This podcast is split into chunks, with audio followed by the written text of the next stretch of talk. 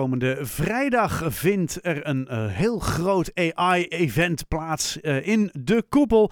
Um, ja, artificial intelligence. Uh, we hebben er al veel over gehoord de afgelopen ja, periode. met de opkomst van ChatGPT en Bart. Maar um, ja, ik heb geen Bart of ChatGPT aan de lijn, hoop ik. Maar in ieder geval Mike Rijkers. Mike, jij gaat me er alles over vertellen. Wat, wat kunnen we komende vrijdag verwachten?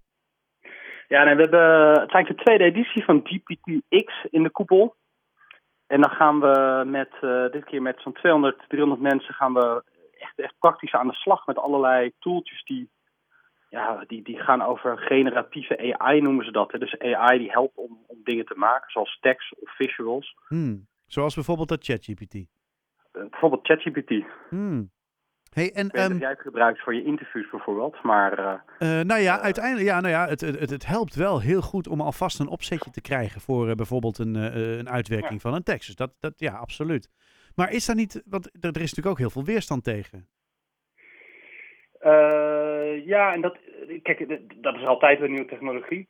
En dat is ook soms terecht, hè, want het is goed dat we daarover nadenken. Maar ik heb zelf het gevoel dat die weerstand ook wel eens komt omdat mensen gewoon niet kennen. Hmm. Uh, en daar is juist deze dag voor. Ga lekker aan de slag, probeer dingen uit. Dat is toch in mijn ogen in ieder geval de beste manier om dingen te leren kennen. Ja, aldoende leert men zou je zeggen. Ja, en dan leer je ook uh, de dingen die je beter niet kan doen. Uh, en hopelijk helpt dat. En helpt dat uiteindelijk ook het publieke debat een stukje verder dan alleen maar angstbeelden. Want we moeten toch vooruit met z'n ja, we zullen toch vooruit moeten. En is dat inderdaad de vooruitgang die we willen? Ja, kijk, uiteindelijk moet je wel, hè, want we hebben volgens mij nu al een behoorlijke arbeidskrapte, maar er komt nog wat aan. Dus we moeten toch slimme manieren bedenken om, uh, om hetzelfde werk te blijven doen. Zeker als uh, een groot deel van Nederland om pensioen gaat de komende jaren. Dus, dus ergens is deze ontwikkeling heel wenselijk. Hè. Mhm. Tegelijkertijd ontken ik zeker niet dat er ook uh, een hoop vraagstukken zijn over privacy, over de, de, hele grote risico's tot aan het uitroeien van de mensheid dat AI zou Oeh. kunnen uh, voor, voor, uh, veroorzaken. Maar goed, er zijn gelukkig een heleboel slimme mensen zijn die daar mee bezig zijn, vooral bij universiteiten. En dat mm -hmm. moet ook gebeuren. Morgen draait echt om van, hey, wat betekent dit nou voor jouw baan? Hoe okay. kan je dit slim gebruiken om gewoon je werk beter te doen? Oh, het is morgen. Ik dacht uh, vrijdag. Of uh, vrijdag, sorry. Ja. Oh, nee, gelukkig, ja. Nee, uh, dus, dus vrijdag, hoe, hoe helpt AI je om je werk beter te doen? hoe zorgt AI ervoor dat jij ehm, nou ja, goed ondersteund wordt in je creatieve proces? Is dat wat het is? Ja. ja, klopt. En dat gaat, als je ChatGPT, ik denk de meeste mensen kennen die, dat het beste, denk ik. Ja.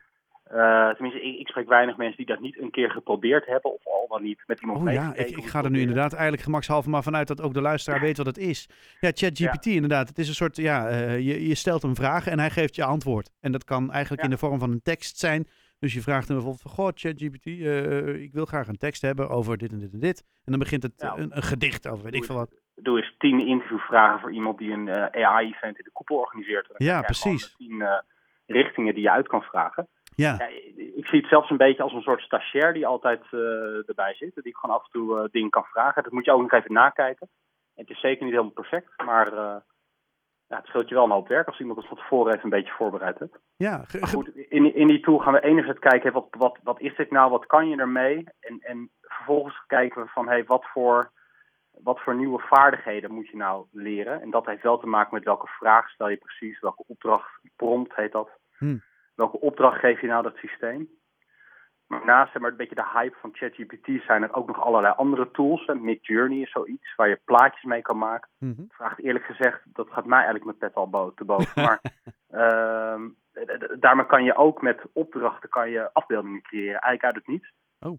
Um, en dat, ja, dat, dat gaat dan een stapje verder dan alleen maar de hype van ChatGPT. Maar dan leer je ook uh, wat er nog meer mogelijk is. Wow. En daar gaat vrijdag ook over. Jeetje, hé. Ja, ik, ik bedoel, wat jij zegt, hè, dat gaat mij de pet ook altijd een beetje te boven. Hoe, hoe, hoe, hoe, hoe, hoe dan?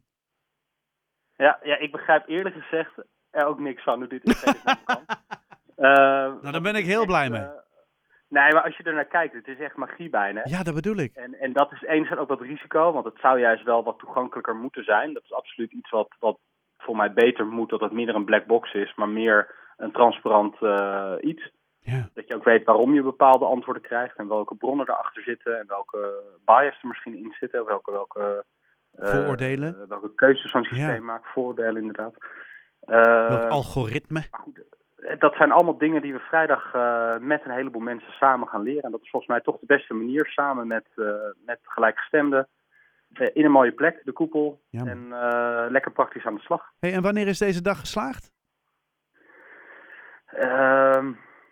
Vooral als er mensen zijn die gewoon. eh, Kijk, dus enerzijds moeten mensen hun laptop open gaan klappen. En dat vond ik vorige keer al belangrijk en fijn om te zien. Dat mensen ook echt niet alleen maar gingen luisteren wat heeft iemand te vertellen die het beter weet, maar gewoon aan de slag gaan. Ja. En ook eh, het liefst dan ook eh, los van de laptop openknappen ook een beetje een open mind gaan krijgen. En Hmm. gewoon op die manier dingen gaan proberen. Dus eigenlijk zeg je, het is, het is gelukt als je een open laptop ziet en een open mind. Ja, klopt. Nou, kijk, ik, ik vind dat ik Ja, dat heel die- mooi heb samengevat. Ja, perfect. Helemaal zelf, zonder AI. Ja. Ja, zie ik stiekem typen nu. Wat zei je? Zit die stiekem... ja, ja, precies. ChatGPT heeft me dit alles eh, ingefluisterd. Nee, je weet het niet meer. tegen. nee, nee, maar dat is, dat is wel het ingewikkelde toch een beetje? Of, of maakt dat niet uit? Ja, kijk, kijk, kijk, als jij denkt dat je hele tekst eh, kant en klaar eh, gaat kopiëren eruit, dan wordt het ingewikkeld. Maar als jij het gebruikt als ondersteuning, Ja. eh, precies wat ik eh, eigenlijk, als jij een, een, een stuk tekst wat jouw stagiair aanlevert, letterlijk gaat gebruiken om, eh, om een artikel te publiceren, dan is dat niet verstandig. Nee. Maar als je dat gewoon eens even, als je dat erbij pakt, als een soort eerste versie, en eens kijkt welke insteek kan ik gebruiken en het op die manier zorgt dat je of wat meer efficiënter een creatief proces in gaat, of ja, gewoon wat nieuwe invalshoeken kan ontdekken. Dan is het alleen maar handig. Nou, we, we- we, gaan het maar eens onderzoeken. Eh, komende vrijdag in ieder geval in eh, de koepel eh, Ja. GPTX, toch? Ja, gptx.tech, daar kan je nog Punt een kaartje kopen. Tech. Nou, fantastisch. Mike Rijkers, dankjewel voor deze toelichting. En heel veel succes. En ik hoop inderdaad op open minds en open laptops komende vrijdag In de koepel. in de koepel. Fijne avond.